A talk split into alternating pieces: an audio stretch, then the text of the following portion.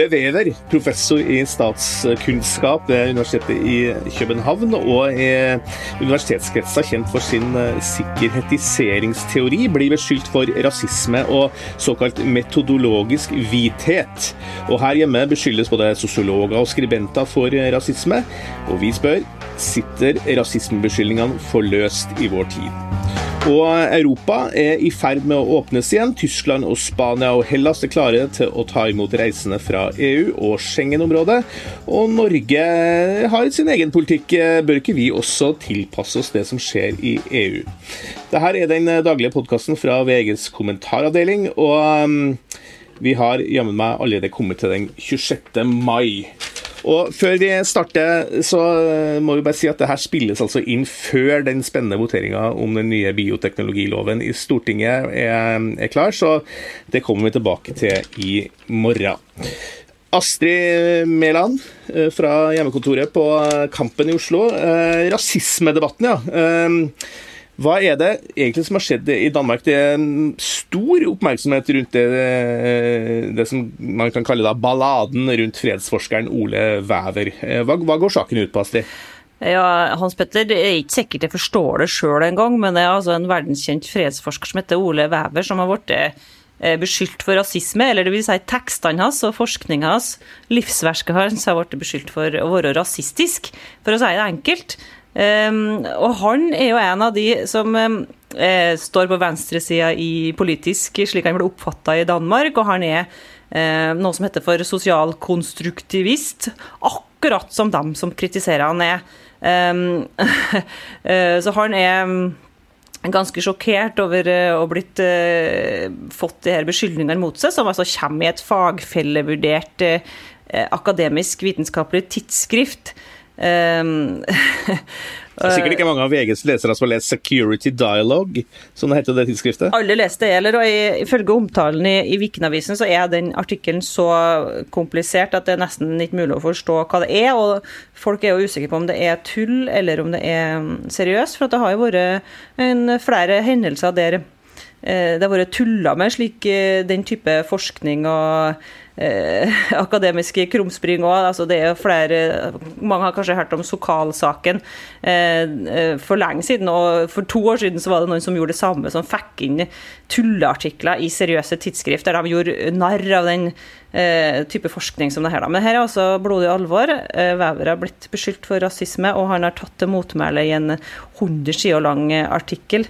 Eh, og han får støtte på lederplass i Danmark over i rund baut, vil jeg si. Informasjon som er venstreorientert, eh, og ja, Vikenavisen som er borgerlig. Men er det ikke litt rart at sånn, eh, det som kanskje kunne egentlig vært avfeid som en slags sånn akademisk hurlumhei, har tatt sånn av og blitt en så stor sak i Danmark at det, til og med lederspaltene i de største avisene blir via, denne, via det her? Ja, Jeg kunne jo spurt han Vever, Ole Vever sjøl òg hvorfor han gidder skrive 100 skyete svar og bry seg med sånne særheter eh, som det her. Og det har han jo eh, fortalt litt om i forskjellige intervjuer i danske aviser. Han syns det er så forferdelig å bli beskyldt for eh, rasisme. Det skjønner jeg jo selvfølgelig godt.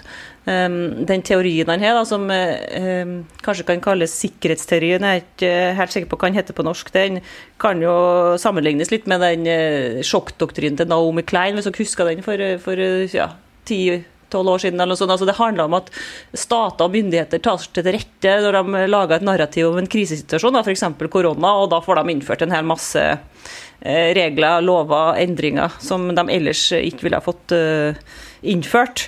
Og eh, den teorien mener altså disse kritikerne er rasistisk. Eller det er vel en slags sånn der ja, dekolonialisering av akademia som foregår her òg. Og grunnen til tar sånn fyr, er vel at det er en uh, kulturkrig, det er en trend um, uh, i USA, den har, finnes jo i Norge òg, der uh, forskere andre finleser hver en artikkel som de er irritert på, og finner tegn på um, hvit makt, antisvart holdninger, som de kaller det, og dekolonisere dekolonialisere akademia, er liksom oppdraget. Eh, informasjon, da, som er kan du si, en slags motsvar til den, den norske Klassekampen.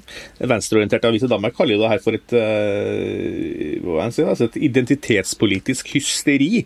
Så det virker jo som at det ikke det får ikke noen særlig gjenklang i de politiske miljøene der? Nei, jeg tror ikke at det er noen som blir stående etter Hvis vi ser 20 år fram i tid, så tror jeg bare det blir bare, bare tull. Hvorfor gidder folk å kaste bort tida på det her? Og det som har vært bra med koronaen, i hvert fall for min del, er at jeg kasta bort mindre tid på å irritere meg over små særheter og ting som egentlig bare kan overses. oversås. Det er så mange viktige eh, branches of eh, hva heter akademia nå, som forsker på hvorfor unger får sepsis og eh, hvordan skal bli frisk av korona. Så holder de altså på å, med forstørrelsesglass og finne um, Å bli opprørt. da. Og så Det som er så dumt, er jo sånn som Ole Wæver sier, at han, dette blir jo da brukt av høyresida igjen, da, høyrepopulistene, for å vise hvor gæren antirasistene er. Og det vil han jo i hvert fall ikke være med på, ikke sant? men likevel så, så, så får de blod på tann, dem òg, at det, det, er så sært og smått. Men er det ikke litt sånn hysteriske reaksjonene også? At, altså, hvis, hvis, man da i en uh, sammenheng blir, blir, beskyldt for, eller påpekt at det man da uh,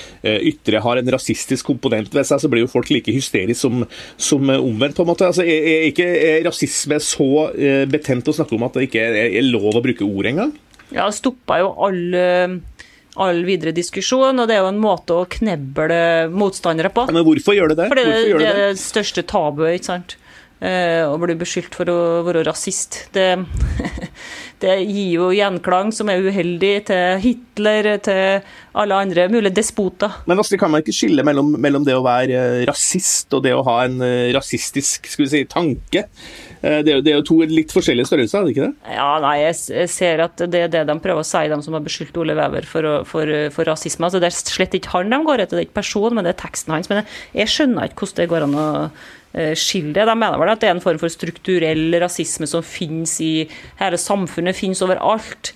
Um, som, som, er ubevisst. Da, og som, Jeg mener ikke at Ole Wever, eh, akademikeren, er en ond person som er rasist i seg sjøl, men, men hvis du skal gå så langt som å mene det, sånn som de mener, så er alt rundt oss rasistisk. De gir jo eksempler på ja, Hanna Arendt, som han, eh, den store filosofen som, eh, som Ole Weber siterer. Hun er også rasistisk. altså De finner det overalt. og Hva er det igjen, da? Apropos det, så kan vi si at eh, Forfatteren og musikeren Sverre Knutsen har skrevet en lang artikkel i Agenda magasin der han skriver da altså at rasistiske forestillinger kan bekreftes og videreføres selv med de beste intensjoner.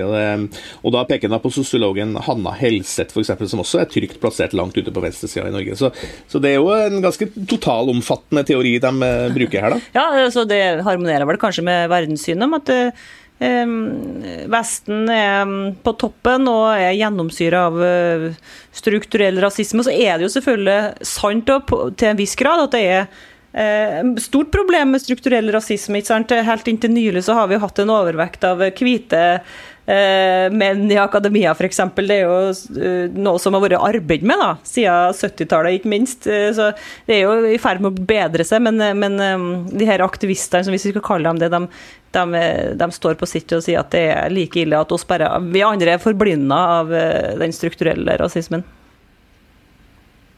Men jeg, jeg, leste jo boka til han dekanen på Universitetet i Oslo, Frode Helland, 'Rasismens retorikk', og jeg syns den boka egentlig var veldig interessant.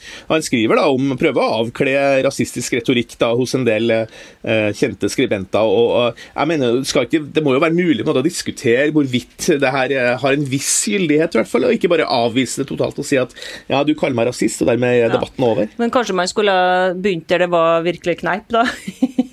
der det er noe å finne, i stedet for å bruke elektronmikroskop, for det er jo mer enn nok eh, å ta tak i her. Ja, det, eh, det kan du trygt si, Astrid, det er mer enn nok å ta tak i, men eh, det er kanskje litt smått akkurat nå når det er koronavirus og, og andre svære saker på agendaen.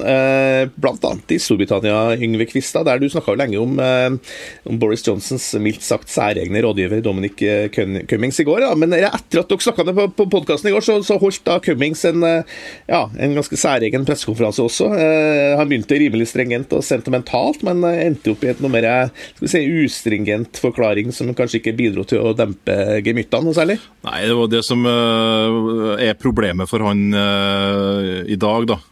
At uh, det er veldig, veldig få som uh, tror på historien hans. På, altså, det, det, det, han sier, er at han reiste opp til, til, Durham, som da er en biltur på nesten 45 mil fra London, fordi at han uh, trengte barnepass. Han og kona var koronasyke. Og, og de har en fireårig sønn, og de hadde ingen i i London til å ta seg av denne guttungen. Så, så, så det var altså Han påberopet seg en form for nødrett. da. Men uh, forklaringa hans var jo relativt lett å skjære høl for uh, veldig mange av de skarpskodde politi nei, politiske journalistene som var til stede der. Blant annet uh, politiske redaktøren i ITV, som vi møtte da vi var i parlamentet for noen år siden.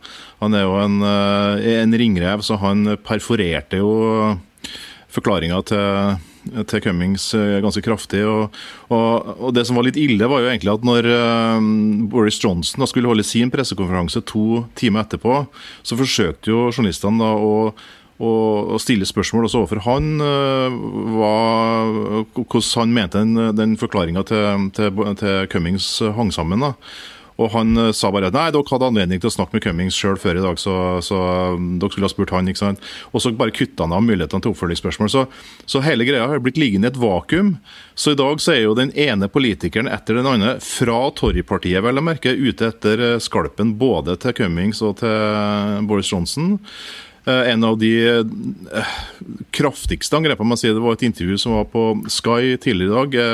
Adam Colton hadde et, hadde et intervju med Michael Hesseltine tidligere eh, tidligere visestatsminister og ikke kjent som en, eh, en, en, due. Han var i høyeste grad en, en hauk. Men han sier jo det at uh, det eneste muligheten Boris Johnson nå kan berge dette her på, det er å sparke Cummings. Fordi at han har bløffa så mye nå, og, og regjeringa har ikke råd uh, til å ha han, uh, ha han i huset lenger. Og så stiller han også store spørsmålstegn med hvem er det denne Cummings egentlig står til ansvar for? Altså, hvem, hvem står han til ansvar overfor? Han er ikke medlem i partiet. Han er ikke politisk valgt. Eh, likevel så er det tydelig at han har stor påvirkningskraft i regjeringa. Han har beslutningsevne, og han foretar egne avgjørelser. Så, han er jo slags Rasputin, ikke sant? Ja, ikke sant. Så, så Hesseltine da, han stiller jo stort spørsmålstegn med hvordan dette her kan forsvares uh, i en uh, større demokratisk uh, sammenheng. Og så har jo også en, en, en juniorminister, eller en slags statssekretær da, i, i Skottland-departementet, som heter Douglas Ross, trakk seg da pga. saken her. Så det er jo virkelig begynner å bli alvorlig for Boris Johnson her. Ja, det strammer seg til. Og i kjølvannet av Douglas Ross sin avskjed, da, som var i protest mot Cummings, så er det jo flere som har meldt seg på eh, igjen. Og dette er jo Um, som det ble sagt tidligere i dag fra en kommentator på BBC, at eh, det som er litt bemerkelsesverdig, det uh, er ikke for så vidt alle dem som krever uh, Dominic, altså Cummings sin avgang. Det er fraværet av alle dem som ikke tar den i forsvar.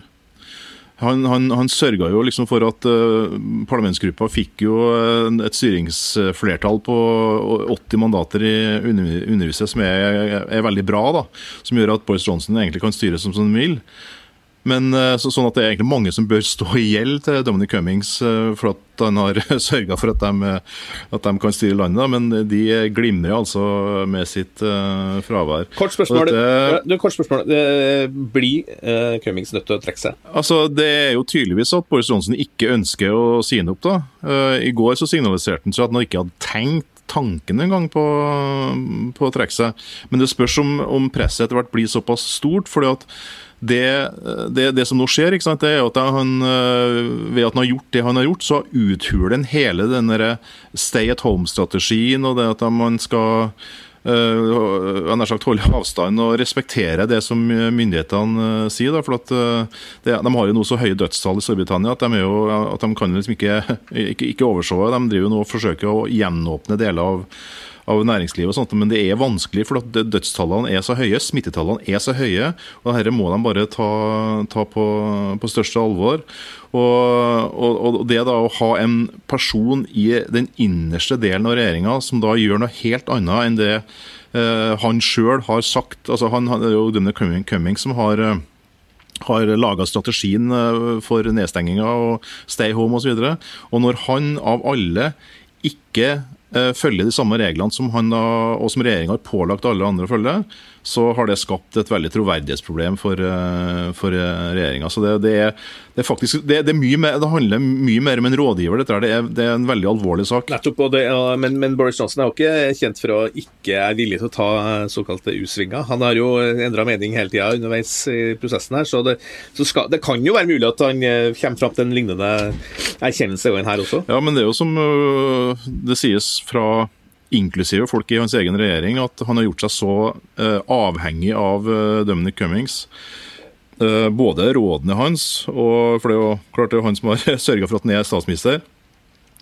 Men også trenger Boris Johnson Det sies jo faktisk om Boris at han er, at han er ganske konfliktsky. Han, lik, han, han, foretrekker å bli likt. Så han trenger noen til å gjøre the dirty work. Han trenger noen til å, til å være litt sånn henchman. Og Der er jo Dominic Cummings helt eh, perfekt. for at han, eh, som han selv sier, han bryr seg jo ikke om hva folk sier om ham, han bryr seg ikke om hva folk synes om ham, han bryr seg ikke om politikere, han bryr seg ikke om eh, pressefolk. Han er på en måte litt sånn engelsk utgave av Steve Bannon, på en måte. Litt sånn sjuskete, og han går i en joggebukse med der Bannon går med sånn Army-klær. da. Ja, da. Men han, han, er en utrolig merkelig karakter, da, han er Cummings. Ja da, og de, og de har jo sammenligninger med men Steve Bannon er jo ikke så dårlig den, for de følger jo en opplagt samme strategien, som bl.a. går ut på at de ikke skal bry seg med hva media til enhver tid måtte mene. Fordi at det er folket som er viktigst. Men det er ble litt eh, tvunget til nå, for det er ganske, blitt en ganske sterk opposisjon mot uh, herr Cummings i den saken her. Du, uh, Før vi slutter, så skal vi snakke om Europa igjen, fordi det er min, mitt hjertebarn. Europa uh, er i ferd med å åpnes igjen, da. Og for jeg som folk ennå har veldig gira på å dra på ferie til mitt kjære.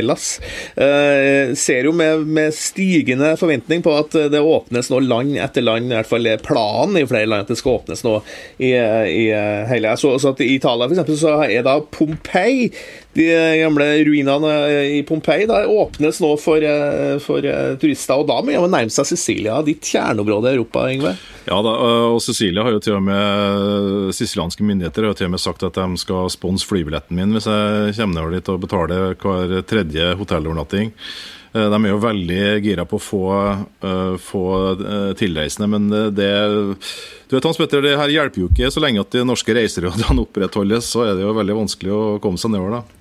Men er det ikke veldig rart at Norge da eh, allerede har sagt at vi skal vente altså vi må vente i Norge til 20.8, mens resten av Europa eh, åpner seg? Jeg, jeg, jeg, forstår ikke helt logikken i politikken. Astrid, du som har fulgt dette veldig tett, da, eh, forklar meg i klare ordelag, hva er det regjeringa vil med å ha eh, en så lang frist, eller en så, så lang deadline da, for at vi skal få lov til å komme oss ut i Europa igjen? Jeg har vært spurt om det på pressekonferansen i går, regjeringas eh, koronapressekonferanse, og da sa de bare det at eh, de trenger tid til å, til å, vurdere det, og de vurderer det ikke nå. De skal vurdere det i tida opp mot 15.6, dagene før det. Første omgang. Da er det altså snakk om å vurdere åpne for Norden.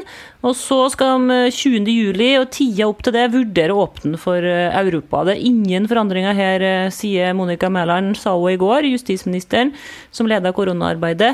Og det her er sikkert noe som kommer til å bli mas om hver eneste pressekonferanse framover. Det kan godt hende at det her eh, kommer til å bli forandra, selv om de nå sier at, eh, at vi ikke skal bestille noen billetter, og at 20. august er liksom eh, deadline. Eh, og det, De forklarer det vel delvis med at de ikke vil forlede noen nå. Bjørn Gullvåg, helsedirektøren, sa at eh, vi ikke, vi ikke lurer noen til å få på og begynne å bestille billetter og planlegge ting som ikke nødvendigvis kan gjennomføres. Det vil jo eh, i høyeste grad lure oss til, eller i hvert fall oppfordre oss sterkt til da, å bruke pengene våre i Norge i stedet, for å få i gang jula. og Det er jo, det kunne de kanskje vært litt mer tydelige på. Jeg så hørte jo Iselin Nybø nevnte i første eh, pressekonferansen at det eh, kan være en god måte å få i gang norske innenlands reisenæringer igjen. så Sånn sett så er det jo det kanskje burde de vært litt mer ærlig på. Men tyske turer Nei, ærlig talt. Det er jeg ikke enig i, Hans Petter. Det er jo smittesituasjonen. Du, er uenig med programlederen akkurat der? Ja. Nei, altså det er jo sant det, da, men, men det er jo ikke hovedbegrunnelsen for å, for, å, for å, advare mot reiser per nå. er jo ikke fordi at Norge skal være proteksjonistisk, det tror jeg ikke noe på. Det må jo være smittesituasjonen. Ja, men når resten av Europa åpner seg, så må jo kanskje Norge forholde seg til det? Eh, jo da, men eh, det kan godt til Norge kommer til å gjøre og det. Men sånn som de, eh, Gullvåg sa òg på radioen i dag tidligere, tror jeg, handla litt om at når mange nasjonaliteter samles i Hellas, da, dit du vil, Hans Petter, så, så, er det jo ikke bare grekere, men det er jo svensker vet du, som kommer dit. Det er skummelt. Ja, han, han, vil jo til sydkoster, han Gullvåg har åpna grensa til Sverige, og der er jo mye mer smitte enn noen av de andre landene vi snakker om her. Eh, tyske turoperatører, nå jeg leste jeg på Eh, eh, på en gresk avis da, er veldig på huggen og på, på å få Tyskland til å reise til, feriere til, til Hellas og likeens til Spania, også, særlig Mallorca, da, Mallorca på de baleariske øyene, fordi der har det vært veldig lite smitte. Eh, og Hellas de nå eh, sies da, i hvert fall at de skal vurdere det her på ordentlig helt sånn i slutten av mai, at de skal godta turister fra forløpet av 19 land, og det er inkludert Norge, men ikke Sverige, og faktisk også Kina. Eh, skal få lov til å komme dit. Så, så det er jo um, åpenbart et utrolig ønske i Sør-Europa uh, å få i gang den veldig veldig viktige turistnæringa igjen. Jeg kan bare legge til det der at Den italienske utenriksministeren Di Maio er faktisk ute i dag og sier at uh, 15.6 skal bli den nye, skal bli D-dagen for turisme i, uh, i, Europa. og Han sier at, uh, at, Italia skal legge alt til rette for å gjenåpne alt, så at de kan ta imot turister. og ja, ha en normal uh, sommerferie med, med, tilreisende besøkende fra hele Europa. Uh, faktisk så er ikke Sverige spesifikt nevnt som et land som man ikke ønsker turister fra når det gjelder Italia. hva det betyr, det, det, vet ikke jeg. men men de i hvert fall er veldig veldig tydelige på det at nå, nå, skal vi få det til. Men det er klart, jeg ser jo også italienske aviser har jo laga sånne montasjer da, hvordan det skal se ut på, på Lidoene og strendene utover. og det, De lager jo sånne cubicles altså sånne med, med plexiglass. Det ser ut som sånne kontorarbeidsplasser mellom strandstolene. Det høres jo veldig deilig ut å slippe å plages med sånne ekle folk ved siden av seg på stranda. Ja, ja. Nei da, vi skal ikke spøke noe her, det, det er store spørsmål i sving. Men uh, det er i hvert fall sånn at den 15. juni, D-dagen for turismen i Europa, den skal vi følge med nøye på her i Norge også, for det vil vel på et eller annet nivå da påvirke oss også. Uh, da er dagens sending over. Eh, I studio, skal jeg si. Det er jo slett ikke. Det er på hjemmekontoret på Kampen og i eh, Bærum. Eh, Astrid Mæland og Yngve Kvistad. Mitt navn er Hans Petter Sjøli. Jeg sitter på vakre Nesodden utenfor Oslo og lager, spiller inn podkasten her. Og vår turoperatør er da produsent Magne Antonsen, og vi kommer tilbake og høres igjen i morgen.